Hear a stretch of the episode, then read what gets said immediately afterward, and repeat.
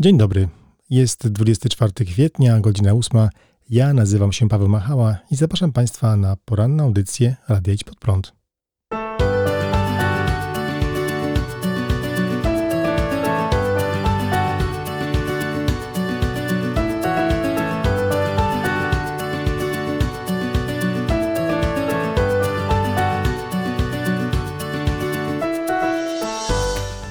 Zapewne przywykliście już Państwo do naszego rytmu, do rozpoczynania naszej porannej audycji od a, kartki z kalendarza autorstwa Piotra Zytkowicza, dlatego oddajmy Piotrowi głos.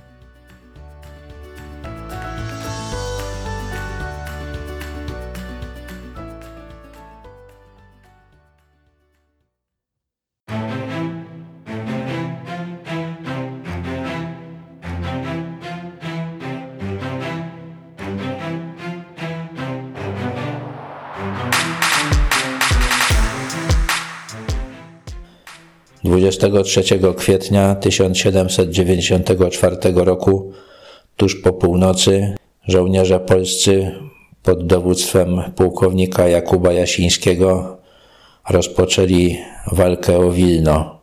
Formalnie Wilno leżało w niepodległej Rzeczpospolitej, ale rzeczywistą władzę sprawował tam gubernator rosyjski Nikołaj Arsieniew. W mieście stacjonował też silny rosyjski garnizon. Z władzami rosyjskimi współpracował ściśle e, zdrajca hetman wielki litewski Szymon Kosakowski. Na kilka dni wcześniej Rosjanie, wiedząc, że szykuje się powstanie, rozpoczęli prewencyjne aresztowania. Mimo to pułkownik Jasiński zdecydował się na walkę zbrojną. Wydawało się, że to przedsięwzięcie nie ma większych szans, ponieważ żołnierzy polskich było w Wilnie tylko 400, a garnizon rosyjski liczył 2000 ludzi. Pomimo to, po całym dniu ciężkich walk, 24 kwietnia Rosjanie wycofali się. W Wilnie został ogłoszony akt powstania na Litwie i ukonstytuowała się Najwyższa Rada Zarządzająca Litewska, która miała kierować powstaniem na Litwie. Hetman Szymon Kosakowski, który wpadł w ręce powstańców, został powieszony.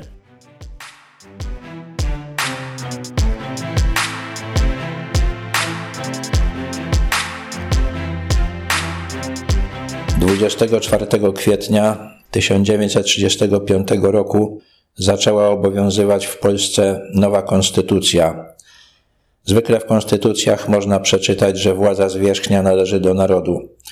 Ta stanowiła, że jednolita i niepodzielna władza państwowa skupia się w osobie prezydenta i oddawała pod jego zwierzchnictwo rząd, Sejm, Senat, sądownictwo, siły zbrojne i organy kontroli państwowej. E, głosiła, że za swoje akty prawne prezydent nie ponosi odpowiedzialności, a za swoje czyny nie może być sądzony, dopóki pozostaje na urzędzie. Sejm i Senat zostały rozsądnie ograniczone do odpowiednio 208 posłów i 96 senatorów. Sejm miał prawo kontrolować pracę rządu odpowiedzialnego przed prezydentem, uchwalać ustawy, które prezydent mógł zawiesić, a wspólnie z Senatem mógł doprowadzić do odwołania rządu.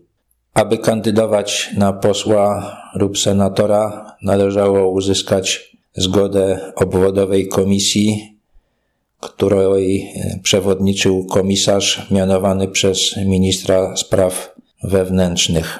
Ignacy Mościcki, który wtedy był prezydentem, starał się wykorzystywać swoje ogromne prerogatywy dla dobra państwa, które, jak głosiła konstytucja, było wspólnym dobrem wszystkich obywateli. Nie zawsze mu wychodziło. Stwarzała też ta konstytucja sytuację prawną, w której utrata władzy przez obóz, który ją wprowadził, wydawała się wysoce nieprawdopodobna. Nie wszystko jednak zależy od prawa, co miało się okazać w 4 lata i 5 miesięcy później.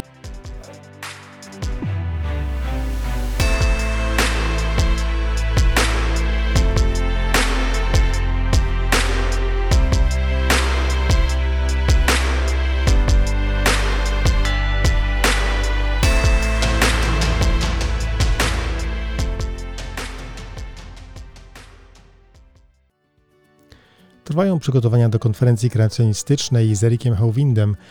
Konferencja ta zacznie się już 30 kwietnia, więc y, w najbliższy czwartek, a będzie, odbędzie się online. Zgłoszenia proszę wysyłać na adres zjazd.chrześcijanmałpa.idźpodprąd.pl Wszystko bez polskich znaków. Powtarzam, zjazd.chrześcijanmałpa.idźpodprąd.pl Liczba, e, liczba miejsc jest ograniczona, więc zachęcam do szybszego zareagowania na to zaproszenie. Przed nami natomiast e, element przygotowań do tejże konferencji, a w ramach tych przygotowań wysłuchamy dzisiaj wywiadu e, z dr Małgorzatą Gazdą, która była redaktorem książki Idź pod prąd w sporze ewolucjonizm-kreacjonizm. Książki, z której te dwa artykuły dzisiaj omówimy, a mówię o podpis w komórce, co było pierwsze, oraz śmieciowe DNA i zdegenerowany kod genetyczny. Zapraszam Państwa do wysłuchania wywiadu z autorką artykułów. Co mają na myśli ewolucjoniści, kiedy mówią o wrażeniu projektu? No po pierwsze to przyznają, że widzą w przyrodzie projekt, czy cechy typowe dla projektu. Y, To można powiedzieć, że to już jest coś. Tak. Y, No ale w związku z tym, że no, oni przyjmują to swoje wstępne założenie, no, że przecież przyrody nikt, przyrody nikt nie zaprojektował, y, no to muszą jakoś z tego wybrnąć. I dlatego mówią, że, te, że ten projekt, projekt, który widzą, to jest tylko tak naprawdę wrażenie projektu, albo też używają takiego innego wyrażenia, że to jest projekt bez projektanta. No, czyli coś, co ma cechy projektu i co no, pewnie by uznali za projekt, gdyby no, nie przyjęli z góry tego, no, tego założenia, że to po prostu Mhm. nie może być. Y, Nie mogę się oprzeć wrażeniu, że jest to trochę dziecinna postawa. To tak jakbym bardzo nie lubił mojego dziadka, dostał od niego prezent, przyjął go i wiedział, że to jest bardzo fajne, używał go nawet, ale mm, nigdy nie podziękował dziadkowi, bo, e, bo go nie lubię, albo nie chcę nawet go o nim słyszeć. Co, co myślisz o takim podejściu, o takiej, takiej interpretacji No. tej, tej postawy? Podoba mi się to porównanie. To Mhm. rzeczywiście mniej więcej tak to wygląda. Tytuł artykułu brzmi Podpis w komórce. Co było pierwsze? Dlaczego to ważne pytanie? Co było pierwsze i czego ono tak naprawdę w skrócie, takim prostym skrócie dotyczy? Y, Tutaj jest taki problem, że mm, białka w komórce zawsze powstają na podstawie informacji zakodowanej w DNA. Ale już y, nawet y, sam, sam proces wytworzenia tych białek wymaga obecności białek, które przeprowadzą ten proces, bo one po prostu biorą w tym udział. Nie da się y, utworzyć białka na podstawie informacji z DNA bez wcześniejszego istnienia już jakichś białek. Y, Poczekaj, czy to przypadkiem nie jest ten sam problem, który rozwiązujemy zastanawiając się, co było pierwsze, jajko czy kura? No właśnie, dokładnie tak. Mhm. I tutaj ewolucjoniści mają z tym problem, bo no, ewolucjoniści y, no, nie wierzą w to, że wszystko powstało naraz. I y, kiedy mają taki układ, y, no to y, muszą jakoś y, dojść do tego, co, od czego to się zaczęło, jak te Mhm. etapy przebiegały, że powstał taki system.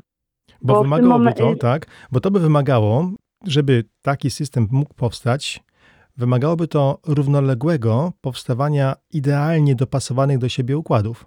Dobrze rozumiem? Tak, ale bardziej chodzi Mhm. też o to, że, y, że tak jakby system, który, mm, który jest jedyną drogą do utworzenia pewnych y, produktów, wymaga tych produktów, żeby je wytworzyć. Tak, no tak. To jajko czy kura, rzeczywiście. No nie może być kury bez jajka, ale jajko też jakby raczej z kury pochodzi. Bardzo to Tak. ciekawe. No tak jak mówię, ewolucjoniści mają tu problem, ale kreacjoniści nie mają tego problemu, no bo po prostu odpowiadają tak samo jak z tą kurą, że, no, że to, to było od, początku tak zaplanowane i tak stworzone, że nie trzeba oceniać, co było pierwsze, że Mhm. y, od razu były, było to stworzone jako taki pełny, funkcjonalny system. Tak, i to jeszcze możliwy do powielania się w sposób przechodzący pojęcie nawet najbardziej zdolnych naukowców. W drugim artykule mm, piszesz o śmieciowym DNA. Możesz nam przybliżyć ten termin? Śmieciowe DNA, no to mm, tak naprawdę to, no to to jest termin ukuty przez ewolucjonistów, prawda? Właśnie oznacza te części DNA, które według nich niczemu nie służą, że są jakieś Mhm. bezużyteczne, no i właśnie przez to nazwane śmieciami. I po prostu oni uważają, że to są takie mm, części DNA, które mm, powstały w toku ewolucyjnej historii. Że to są taki, że to jest taki bagaż błędów, które, mm, no, tak jak oni mówią, że mechanizm tworzenia tych nowych, nowych osiągnięć ewolucyjnych, no to są mutacje i selekcja. Mhm. I te mutacje, no to mm, rzadko kiedy, no, praktycznie prawie nigdy nie są korzystne, czy jakieś y, cokolwiek mm, tworzące nowego, więc mm, no, ewolucjoniści sami muszą przyznać, no, że gdzieś, gdzieś te błędy się musiały gromadzić. No Tak. i właśnie oni uważają, że, że, że te części DNA, które nie kodują białek, y, no z wyłączeniem jeszcze pewnych innych części, że to są mm, nagromadzone błędy, właśnie Tak. te genetyczne śmieci. Tak, czyli jeśli na przykład ja będę powracał do różnych takich porównań i cię trochę denerwował, wybacz, jeśli kod DNA byłby bardzo długą powieścią, to to śmieciowe DNA to byłoby takie, takie fragmenty tej powieści, które przez autora zostały ta- nie, nie ujęte w ostatecznym, są wykreślone, są w nawias postawione. One są niepotrzebne. One, załóżmy, oczywiście ewolucjoniści nie wierzą w pisarza, oni wierzą, że te litery w książce ułożyły się same, ale że jakiś tam był proces, który to regulował, oczywiście naturalny, absolutnie żadnego, nie mówimy o żadnym konstruktorze, żadnym projektancie. I te litery, albo słowa, albo nawet zdania, niektóre niepasujące, one tam dalej są w, tej, w, tej, um, tym skrypcie powieści, ale nie są używane już, żeby do, do jej czytania. Podczas czytania tej powieści nie mają znaczenia. Co o tym myślisz? Można tak to wytłumaczyć? Tak, znaczy to jest coś takiego, że tak jakby y, przypadkowo wklepywane litery, prawda? I niektóre, niektóre mm, mają jakiś sens, ale większość nie ma sensu i, Mhm. y, i to są właśnie te śmieciowe DNA. No to te, tego rodzaju podejście wymaga wręcz fanatycznej wiary w, w przypadek. Um, powiedz, y, jak właściwie, jakie znaczenie jest y, tego, tego terminu i idei śmieciowego DNA, y, jak jest używany ten, ta idea do atakowania kreacjonizmu? Ewolucjoniści argumentują, że no gdyby rzeczywiście tak było, jak kreacjoniści mówią, że Bóg stworzył DNA, no to całość powinna być y, funkcjonalna i tak optymalnie zaprojektowana, a, nie jakaś pełna bezużytecznych y, takich właśnie śmieci. Mhm. No więc mm, jeśli y, ogromna większość DNA to są, y, to są bezużyteczne, niefunkcjonalne, y, zbędne sekwencje, no to y, trudno taki twór przypisywać Bogu, o którym mówią kreacjoniści. Tak. I y, no to jest taki bardziej teologiczny argument niż naukowy. Mhm. Y, No ale rzeczywiście tu kreacjoniści mieliby pewien kłopot z wyjaśnieniem, po to, po co by miało być tyle bezużytecznego Mhm. DNA. No gdyby oczywiście ewolucjoniści naprawdę wykazali, że Jest bez, bezużyteczne. Tak. A znalezienie czegoś, co tak- nie ma sensu, jest dla nich y, być, być albo nie być. No tak, tak, bo mm, właśnie ewolucjoniści bardzo bronią tej idei śmieciowego DNA, bo, bo jeśli z kolei jest odwrotnie, że, y, że ogromna większość, jeśli nie całość y, DNA ma funkcję i jest potrzebna, no to taki system wytłumaczyć z perspektywy y, działania przypadku, jakichś procesu selekcji, takich ślepych sił przyrody, to jest no, coś karkołomnego. No tak, niemożliwego. A powiedz, używasz też i piszesz o tak zwanym zdegenerowanym kodzie genetycznym. E, Co to jest i, i jak się to ma do tego śmieciowego DNA? To, to jest osobne zagadnienie. Mhm. Ja bardziej to połączyłam, żeby pokazać tak jakby sposób widzenia świata przez ewolucjonistów, Mhm. że, że im to pasuje, jak coś jest nie tak. Znaczy, jak znajdą coś takiego, co mm, tak samo jak organy te ym, Szczątkowe. szczątkowe i tak dalej, Mhm. szukają takich rzeczy, żeby właśnie pokazać, że no, że to tak nie wszystko dobrze działa i, i że no, są takie rzeczy, które widać, że z przypadku powstały i nie były planowane. Prawda? I zdegenerowany kod genetyczny, to, no to to określenie wzięło się z tego, że ten kod genetyczny, o którym wcześniej rozmawialiśmy, który y, odpowiada za kodowanie białek, no właśnie to jest taki trójkowy kod. Czterech liter mm, dostępnych w tym kodzie, Mhm. trzy, trzy litery stanowią wyrazy i, i tych wyrazów, czyli one są nazywane kodonami, y, jest ich 64. Tak. A liczba aminokwasów, które one kodują, to jest tylko 20. Okej. Czyli y, większość aminokwasów jest kodowana przez więcej niż jedną tą kombinację, przez więcej niż jeden kodon. I mm, często się zdarza, że jeśli jest jakaś sekwencja genetyczna, no to y, dwa różne kodony oznaczają tak naprawdę ten sam aminokwas. Mhm. Czyli mogłoby się wydawać, że te, część z tych kodonów jest zbędna, mogłoby w ogóle ich nie być i mogłyby się zamieniać, Tak. y, że tak jakby one są równoznaczne. Tak. I to, to jest To jest ten. właśnie to znaczenie degenerowania. W każdym razie widać z tego, że y, ewolucjoniści mm, próbują na siłę, można powiedzieć, znaleźć jakieś y, przejawy przypadkowości, a jest to bardzo trudne, bo te procesy, o których w artykułach piszesz, wykazują wszelkie znamiona czegoś zaprojektowanego. Tak, tak. No i tutaj no po prostu tak widać, że chyba chcieli mm, dać taką nazwę, żeby. Oni też jest zamienna nazwa, że to jest redunda, redundantny kod, ale, ale ta się chyba tak bardziej jakoś podobała. Mhm. Y, Ale, no, ale w rzeczywistości y, nowsze odkrycia też pokazują, że, że to tak nie jest, że, że, że można by tak dowolnie zamieniać te y, kodony, które oznaczają ten sam aminokwas, ponieważ y, one jednocześnie są używane do kodowania innego typu informacji. To jest informacja, która oznacza tempo przebiegu y, tego procesu y, Tak. translacji, czyli, czyli powstawania łańcucha aminokwasowego na podstawie DNA. A więc kolejny, kolejny y- wymiar, dochodzi kolejny wymiar tej, tej, Tak. tego procesu.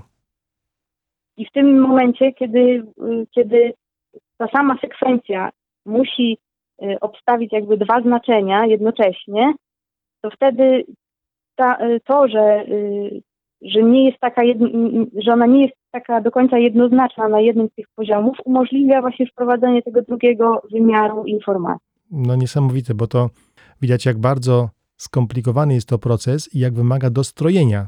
To mówimy, zdaje się, o, nie tylko o przestrzeni, o czasowych e, obostrzeniach. Co ciekawe, to, to nie są też tylko jedyne dwa sposoby za, zapisu informacji w DNA, bo jeszcze są inne, No tak, że można pogłębić jeszcze to, to na pewno. Niech zgadnę, że tak, bo wspominasz o różnych odkryciach dotyczących na przykład tego sposobu kodowania. Niech zgadnę, to nie są przecież odkrycia y, tylko chrześcijańskich naukowców. Nie, nie, to są ogólnodostępne i Tak. y, to, jest, to jest właśnie to, co mówiliśmy też poprzednio, że, że dane są te same, tylko teraz trzeba z nich wyciągnąć wnioski. Jakie, rozum, jakie rozumieć, e, to już e, inna sprawa. No tak, bo na koniec e, artykułu, drugiego artykułu, o którym dzisiaj mówimy, cytowałaś Psalm 111. Dlaczego? No to no, tak jak rozmawialiśmy tu trochę o tych koncepcjach właśnie śmieciowego DNA i tego zdegenerowanego kodu genetycznego, no to właśnie treść tego, tego psalmu stoi tutaj w mocnym kontraście do tej postawy ewolucjonistów. Tak, tutaj jest taka wskazówka właśnie, żeby w stworzeniu spodziewać się wielkości, a nie jakiejś, jakiegoś zadostwa czy marności, prawda, że to y, te dzieła Pana są wielkie. tak, No i tak. dla mnie tutaj właśnie jak im więcej się dowiaduję o, o, o genetyce, o tym jak to działa, no to tym bardziej to widzę, że, jak, że to jest naprawdę coś wielkiego i takiego genialnego. Też mogę drugi Mhm. powód powiedzieć, bo tutaj, bo zacytowałam też akurat ten, y, ten psalm, dlatego że, y, że dokładnie ten cytat towarzyszy genetyce niemal od początku. A no przynajmniej towarzyszy od momentu, kiedy y, Watson i Crick odkryli strukturę chemiczną cząsteczki DNA. Mhm. No i naukowcy wtedy zaczęli, no, zaczęli, zaczynali rozumieć, że u podstaw y, istnienia życia od samego początku właśnie leży informacja. Tak. No i, i ten cytat, dlatego mówię, że on niemal od początku towarzyszy genetyce, bo on jest wyryty na, na wrotach wyjściowych do laboratorium w Cambridge, w Mhm. którym właśnie odkrycie Watsona i Cricka się dokonało. To takie symboliczne. Niesamowite. To jest niesamowite i pozwól, że jeszcze go, ten fragment psalmu 111 przytoczę. Wielkie są dzieła Pana, godne badania przez wszystkich, którzy je kochają. To, to fantastyczne podsumowanie tego, o czym dzisiaj rozmawialiśmy, Gosiu. Bardzo dziękuję Ci za rozmowę. Dziękuję bardzo. Tym wywiadem kończymy dzisiejszą audycję. Ja Państwu dziękuję za uwagę. Zapraszam na poniedziałkową audycję, wciąż bez nazwy, bo konkurs pozostaje nierozstrzygnięty. Czekamy na więcej zgłoszeń, na nowe pomysły. Mam nadzieję, że będą Państwo twórczy i ktoś w końcu zostanie laureatem tego konkursu. Przypominam, czeka nagroda i wieczna chwała związana z tym, że ten, ten tytuł pozostanie. Dziękuję jeszcze raz. Do usłyszenia w poniedziałek.